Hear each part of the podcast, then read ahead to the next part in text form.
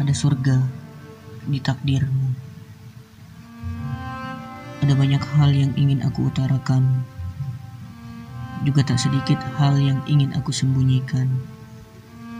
Bagiku, sosok yang paling baik yang berhak datang kepadamu adalah ia yang selalu berkata, "Aku baik-baik saja."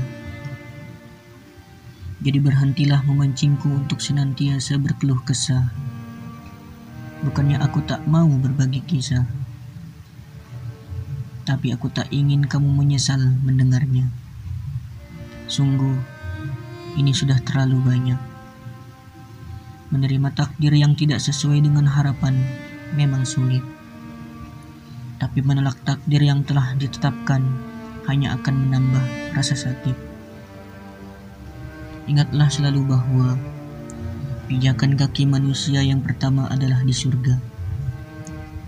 Maka Allah pasti selalu membuka jalan untuk manusia agar bisa kembali memijakan kaki di sana, di surga. Takdir apa pun yang telah ditetapkan atas kita pasti selalu mengandung hikmah. Pasti ada kunci surga yang sedang Allah siapkan di sana. Terimalah tetaplah menjadi apa yang Allah mau. Dengan begitu, kamu akan semakin yakin bahwa selalu ada surga di takdirmu. Ya, ada surga di takdirmu.